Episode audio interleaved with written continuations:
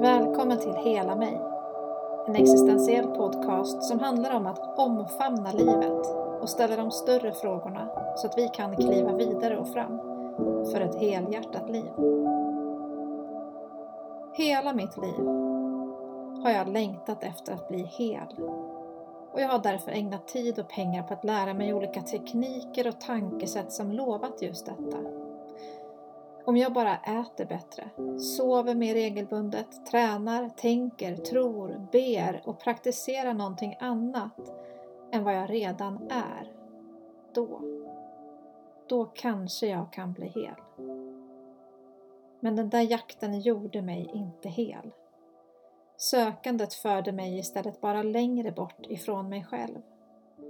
Det kom till en punkt då jag insåg att helhet snarare handlar om att omfamna allt det som är jag, allt det i mig och runt mig, allt som jag varit med om och allt det som jag känner. Och ta emot det, än att försöka ändra eller förskjuta sidor eller känslor som jag inte tycker om. Helande handlar inte om att bli den bästa versionen av dig själv, utan om att lära sig älska och omfamna alla de sidor som är du. Alla erfarenheter och egenheter. Det handlar inte heller om att bli en supermänniska, att sträva efter perfektion för det i sig är ett kontrollbehov som kan ha många olika anledningar och det kommer också bara att leda till mer ångest och problem. Helande handlar om att kunna omfamna allt det där som är du. Alla dina sidor, alla versioner av vem du är. Alltså alla versioner av den du har varit fram tills den du är idag. Den du var för ett år sedan, för tio år sedan och för 20 år sedan. Alla de sidorna. Det är vad helande handlar om. Och den här podden heter Hela mig och det har minst en dubbel betydelse.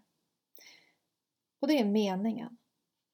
Hela mig handlar om att omfamna alla sidor Även de sidor som skaver och som är obekväma. Men det handlar också om en helande resa. Något av det viktigaste som jag har lärt mig i livet är att lyssna till skavet. Till det där som skaver och som är obekvämt och som min första impuls är att fly ifrån. Och det är viktigt. Men det är inte enkelt och det har inte lett till framgång. Särskilt inte på en gång. Men skavet visar alltid var det finns en potential till växande. Ett skav som inte blir lyssnat till förvandlas till frustration, stress, flykt och andra beteenden som skapar distans mellan den du är och verkligheten. Den där distansen föder bara mer ohälsa på alla plan. När jag var 23 så vågade jag för första gången stanna upp och lyssna till det som skavde.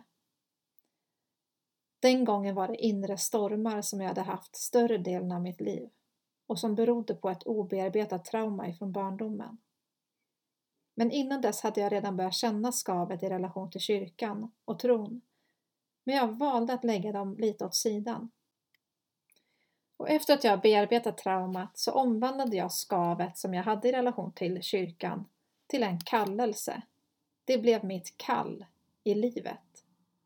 Jag såg inte att det där också var en annan form av traumarespons att engagemanget som jag kände för att skapa ett friare rum, högre tak för människor, att skapa en kyrka som på riktigt skulle visa hur villkorslös kärlek kan se ut i praktiken.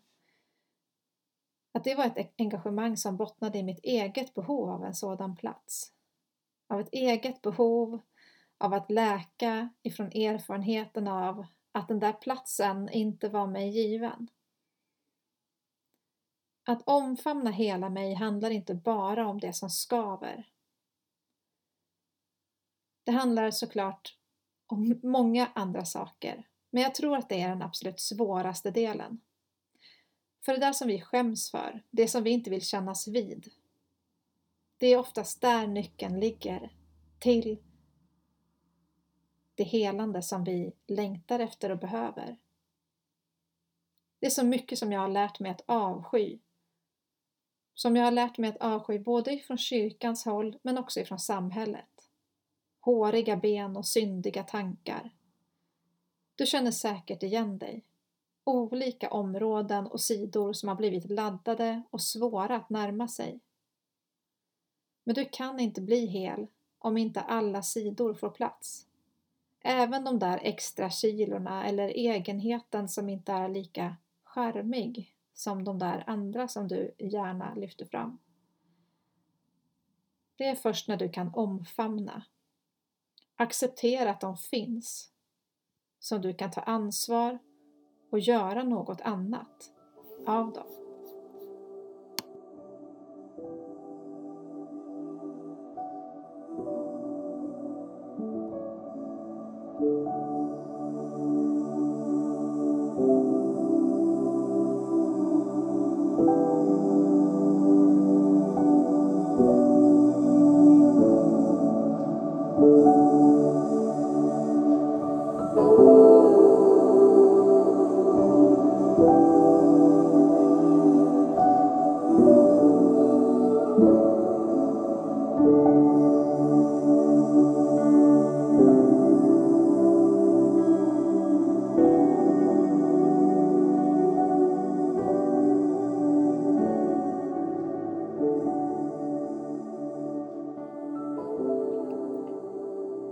Andra sidan av Hela mig handlar om helanderesan. Den läkeprocess som startar när du börjar omfamna din helhet. För det är inte bara att omfamna och sedan gå vidare.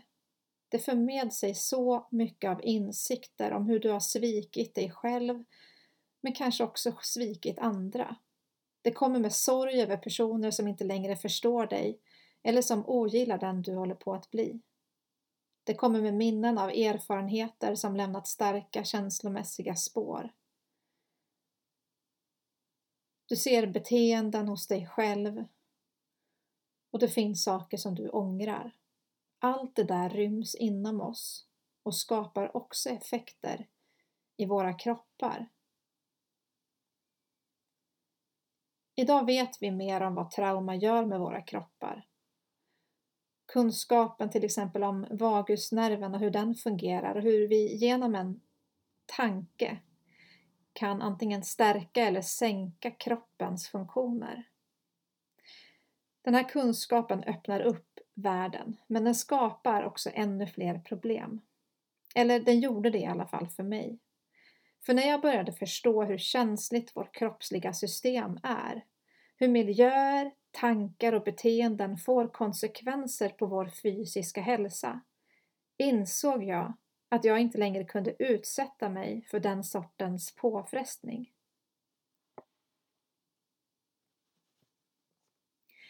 Hela mitt liv har jag engagerat mig i olika ledarfunktioner som jag senare har fått lära mig ofta är en traumarespons. Vi kan hylla den duktiga flickan, men ser inte de trauman som format henne till att ta saken i egna händer, till att styra upp, vara modig och resursstark. Samtidigt tänker jag att alla de där sakerna ju är bra. Det är någonting jag är stolt över hos mig själv. Det är viktiga muskler att ha i livet. Kanske är det just varför och hur jag använder dem som ska vara den viktigaste frågan framåt. Och det ska framförallt inte handla om min egen överlevnad. Allt vi är med om formar oss. Allt som vi är med om skapar avtryck inom oss, på gott och ont. Och jag kan känna tacksamhet för många sidor hos mig själv. Som jag, eh, samtidigt som jag idag också kan sörja anledningen till att de sidorna så tidigt utvecklades från första början. Båda känslorna kan existera samtidigt och är en del av min helhet. Jag är inte glad för de trauman som jag varit med om, för de komplexa erfarenheter som format självbild och stärkt mina överlevnadsmekanismer. Jag är inte glad eller stolt över de miljöer som har skapat möjligheten för de trauman. Och jag vill att vi lär oss av dem. Jag tror att vi kan lära oss och jag tror att vi kan skapa bättre miljöer. Samtidigt är jag glad för det jag har lärt mig av erfarenheterna. Jag är glad och stolt över allt som jag har tagit mig igenom och som jag har klarat av. Trots allt. Att lyfta kritik och vilja förändra, det tror jag är viktigt. Vi måste kunna tro på att vi kan skapa en bättre värld. Eller jag måste i alla fall tro på det. Det är något som driver mig framåt. Det har alltid varit så. Samtidigt så lurar jag mig själv om jag tror att jag kan skapa den där världen där trauman aldrig mer kommer att ske. Där människor aldrig kommer att såra en annan människa. Där missförstånd, rädsla eller småsynthet aldrig kommer leda till framtida sår. Men bara för att vi inte kan radera de delarna så ursäktar inte det miljöer som är destruktiva. Det ursäktar inte destruktiva beteenden. Särskilt inte när man får reda på att det man gör faktiskt skadar en annan människa. Ett viktigt redskap som jag har tagit med mig i livet är ansvarssortering. Du kan inte skydda dig helt från destruktiva miljöer eller människor. Du kommer att stöta på dem i alla möjliga situationer. Men att då kunna sortera ansvar ger dig frihet att också välja bort. Du får säga nej till inbjudningar. Du behöver inte ge mer tid till något som du inte vill. Den friheten är så värdefull och något som växer i takt med din helhet. Ju mer hel, desto mer frihet har du tillgång till. Och ju mer frihet, desto mer ansvar att ta kring hur du vill nyttja den.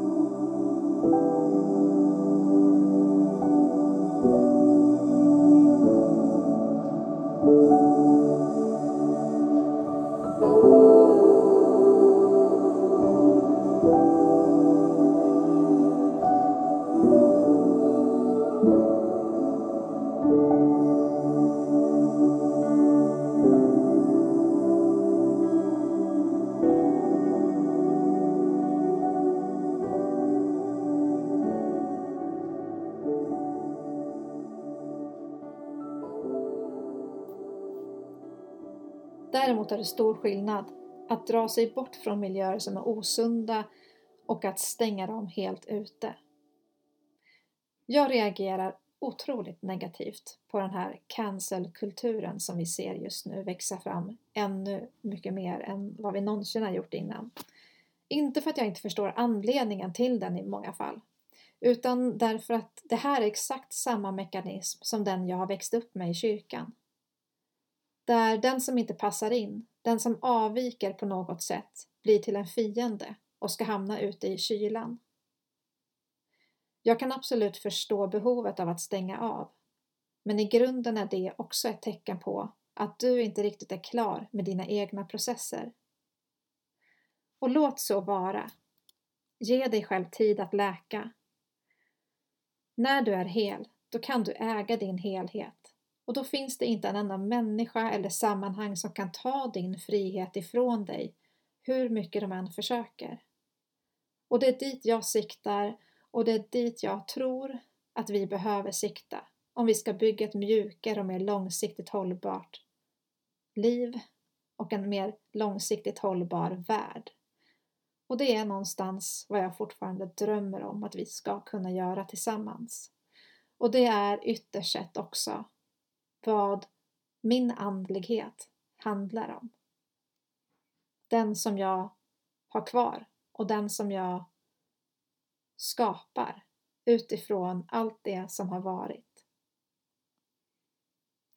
Den här säsongen är lite mer långsam än första därför att jag gör mycket mera jobb inombords just nu. Jag har inte haft lika mycket tid och energi över.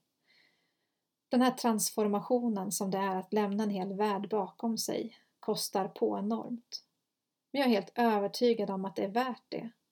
Och för varje dag så får jag nya bevis på att det är allt ifrån kommentarer från dig som har lyssnat eh, och känt igen dig till debattartiklar eller situationer som jag får höra talas om från den kristna världen som jag lämnat bakom mig.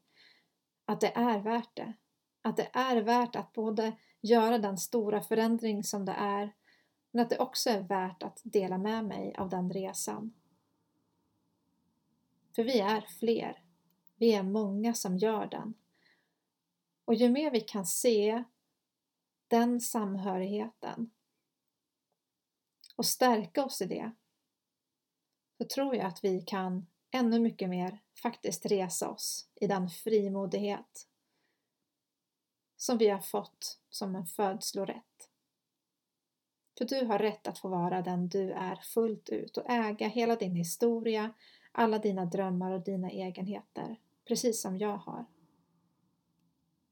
Men någonting av det som jag är absolut svårast med, det är att försona mig med den tystnaden och den ovilja att förstå de här trauman som det skapar, den djupa sorgen som det ofta är att lämna. För du lämnar inte av glatta livet. Precis som Kajsa Tengblad sa i förra avsnittet så ligger det ofta väl grundade anledningar till varför du till slut måste gå din väg. Men det är sällan andra kommer att förstå det. Och kanske är det så det måste vara. Den väg som du börjat vandra på är ensam. Att bli den du alltid varit, att kliva ut i din helhet är en ensam vandring. Det är en av människans stora existentiella utmaningar i livet. Ingen kan fullt ut följa dig.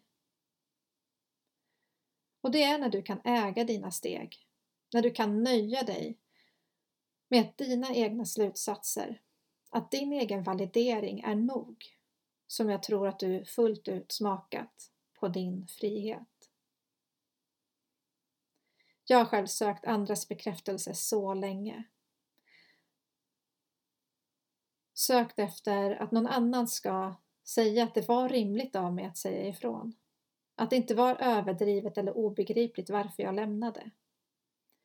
Och det finns såklart väldigt många som kan bekräfta det.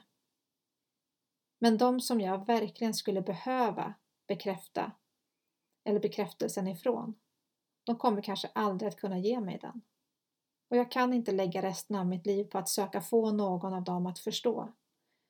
Jag behöver leva det liv som är mitt, äga varje del av det, ta emot det och njuta av det. Och jag kan se det mer nu, mer än vad jag gjort på länge. Det har tagit några år, men jag börjar äntligen känna av de där friska vindarna. Jag tänker på påsken som precis har passerat. För mig har den de senaste åren kommit att handla om friheten. Om den där punkten som skapades i världshistorien där alla dessa mänskliga regler och lagar, där allt som vill ockupera vår frihet och trycka ner oss i för trånga mallar fick en punkt. Ett före och ett efter. Det är ärligt talat rätt länge sedan jag slutade tro på att Jesus dog för mina synder. Det är länge sedan jag såg Gud som någon som kräver blodsoffer för att närma sig människan. Det är inte Gud som korsfäste Jesus i den där berättelsen. Det är människor. Särskilt de som stod i maktposition. De var laglärda. Det var de högsta ledarna i samhället och i templet. De drev på men under dem fanns också en stor folkskara som jagade på. Precis som det också är i många destruktiva sammanhang. Det finns en bra bild på det där. En pyramid med en osund ledare på toppen. Men under honom så finns det väldigt många möjliggörare. Alla de där som hyllar ledaren, som vägrar se sprickor i fasaden. Alla de som slår ifrån sig all form av kritik och väljer att backa upp de system som är destruktiva. Och under möjliggörarna finns den tysta massan. Alla de som ser, men som väljer att vara tysta av olika anledningar. I berättelsen om Jesu korsfästelse så är det precis samma mänskliga mekanik som utspelar sig. Längst upp på toppen finns de med makt och de frågar folket vad de ska göra. Och folket ropar korsfäst honom.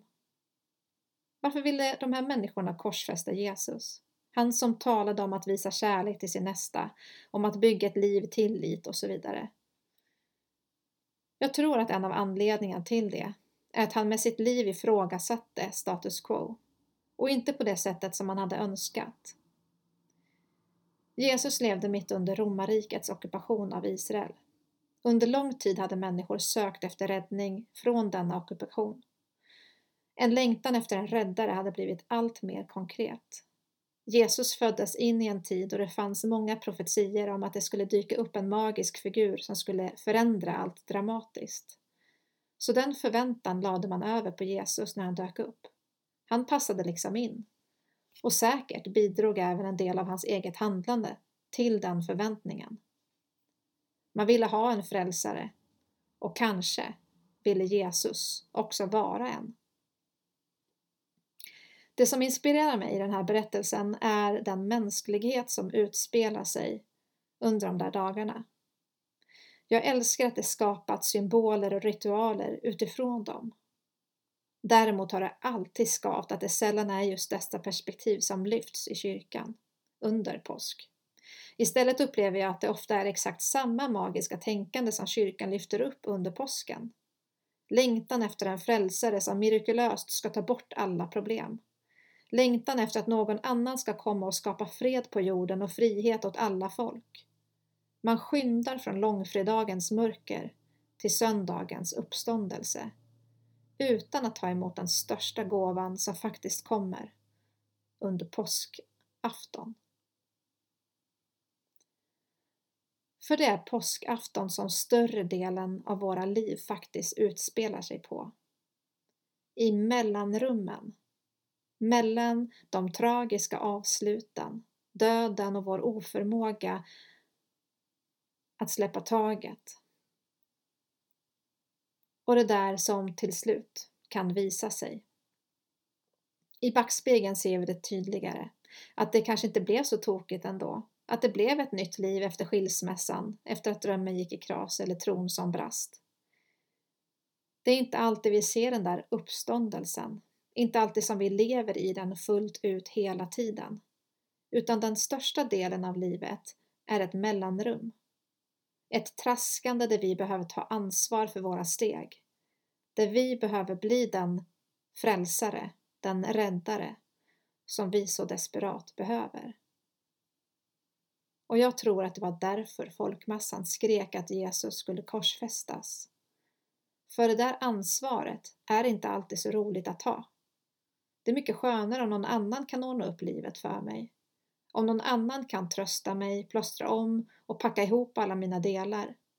Så mycket skönare om någon annan ger mig frihet än om jag själv behöver ta emot den och själv nyttja den. Men det finns ingen frihet som inte kostar något. Frihet har alltid ett pris. Och det är någonting som jag fortfarande kan ta med mig som en inspiration från Jesus. Även om mycket kring den personen och alla de här berättelserna som omgett honom fått en helt annan betydelse för mig de senaste åren. För mig är det viktigt att kunna behålla nyanserna. Det är där helheten finns.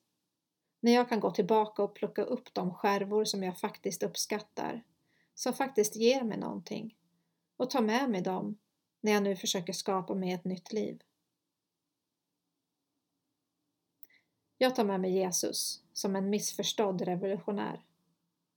Som en mystiker som talade om ett annat sätt att se på livet och leva det. Jag behövde det under min tonår och jag vill hedra den delen av mig, men också den berättartradition som förmedlade den visdomen till mig. Jag tror att vi på många sätt behöver forma nya berättelser och använda nya ord, för det är mycket som har blivit förladdat. Men jag tror också att vi behöver acceptera att vi inte kan radera den historia som vi är formade av. Vi behöver lära oss mer om den och vi behöver nyanser och distansera oss ifrån den. Men vi kan inte radera den helt och hållet. Jag tror inte att det leder till helhet.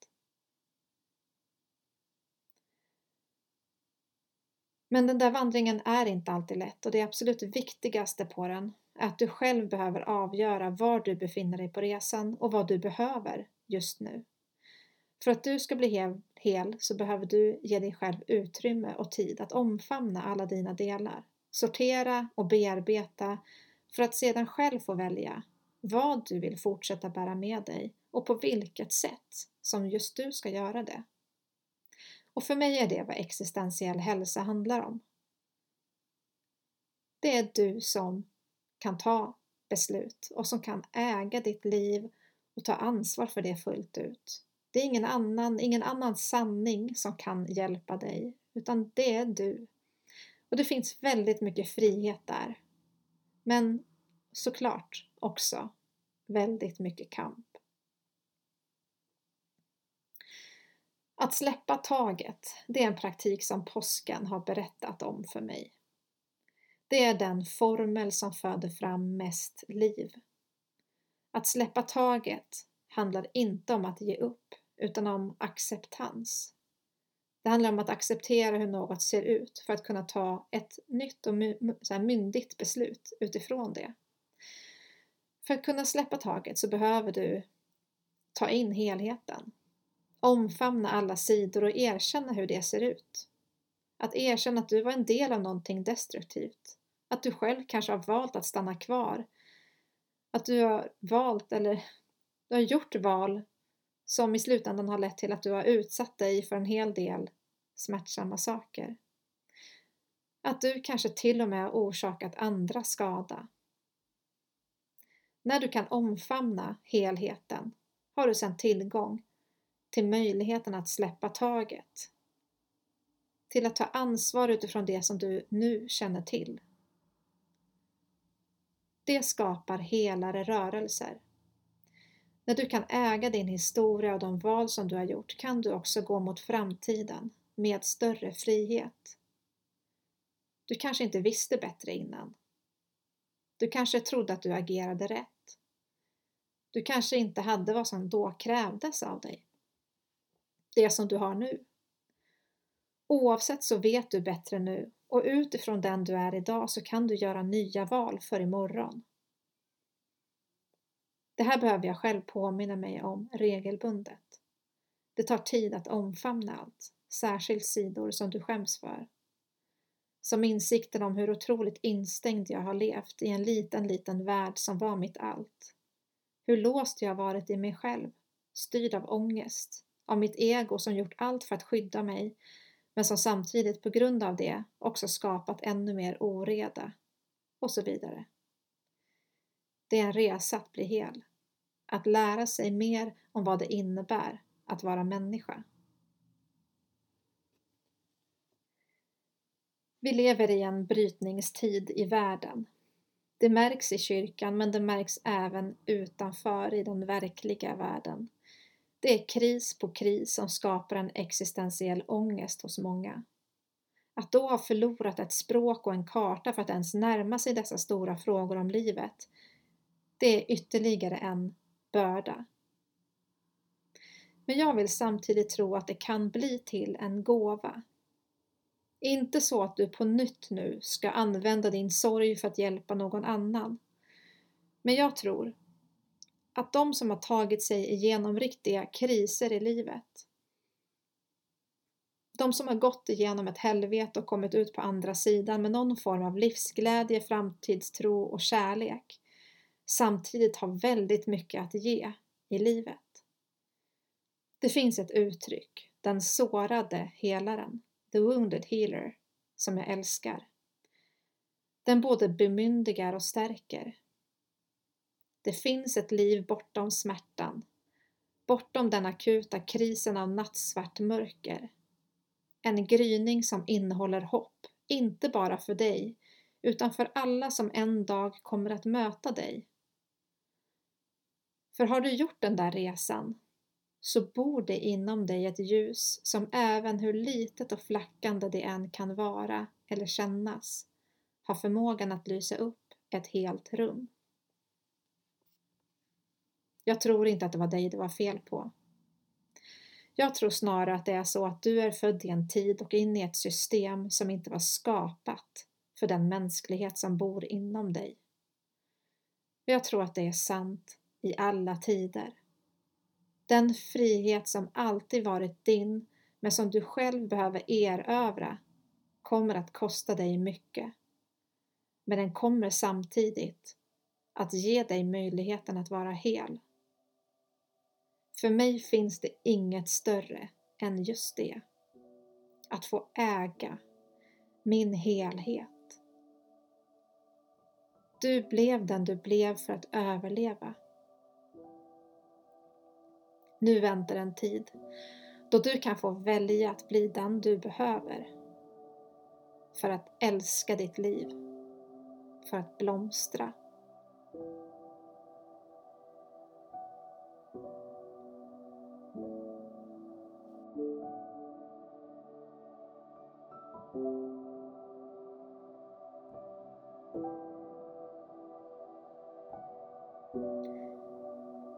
Har lyssnat till Hela mig, en existentiell podcast med mig, Josefin Lennartsson. Du är välkommen att höra av dig via kommentarer eller direktmeddelanden för att dela tankar, reflektioner eller reaktioner på det som du har lyssnat på. Jag tror att vi växer när vi kan mötas som människor och dela med oss av det som betyder något för oss. Och om du vill stötta den här podden så får du jättegärna betygsätta den i den poddapp som du lyssnar på. Skriv också gärna en recension om du orkar det. Och så får du såklart också dela den på det sätt som du är bekväm med till de människor som du tror skulle uppskatta att lyssna på den. Tack för att just du har lyssnat.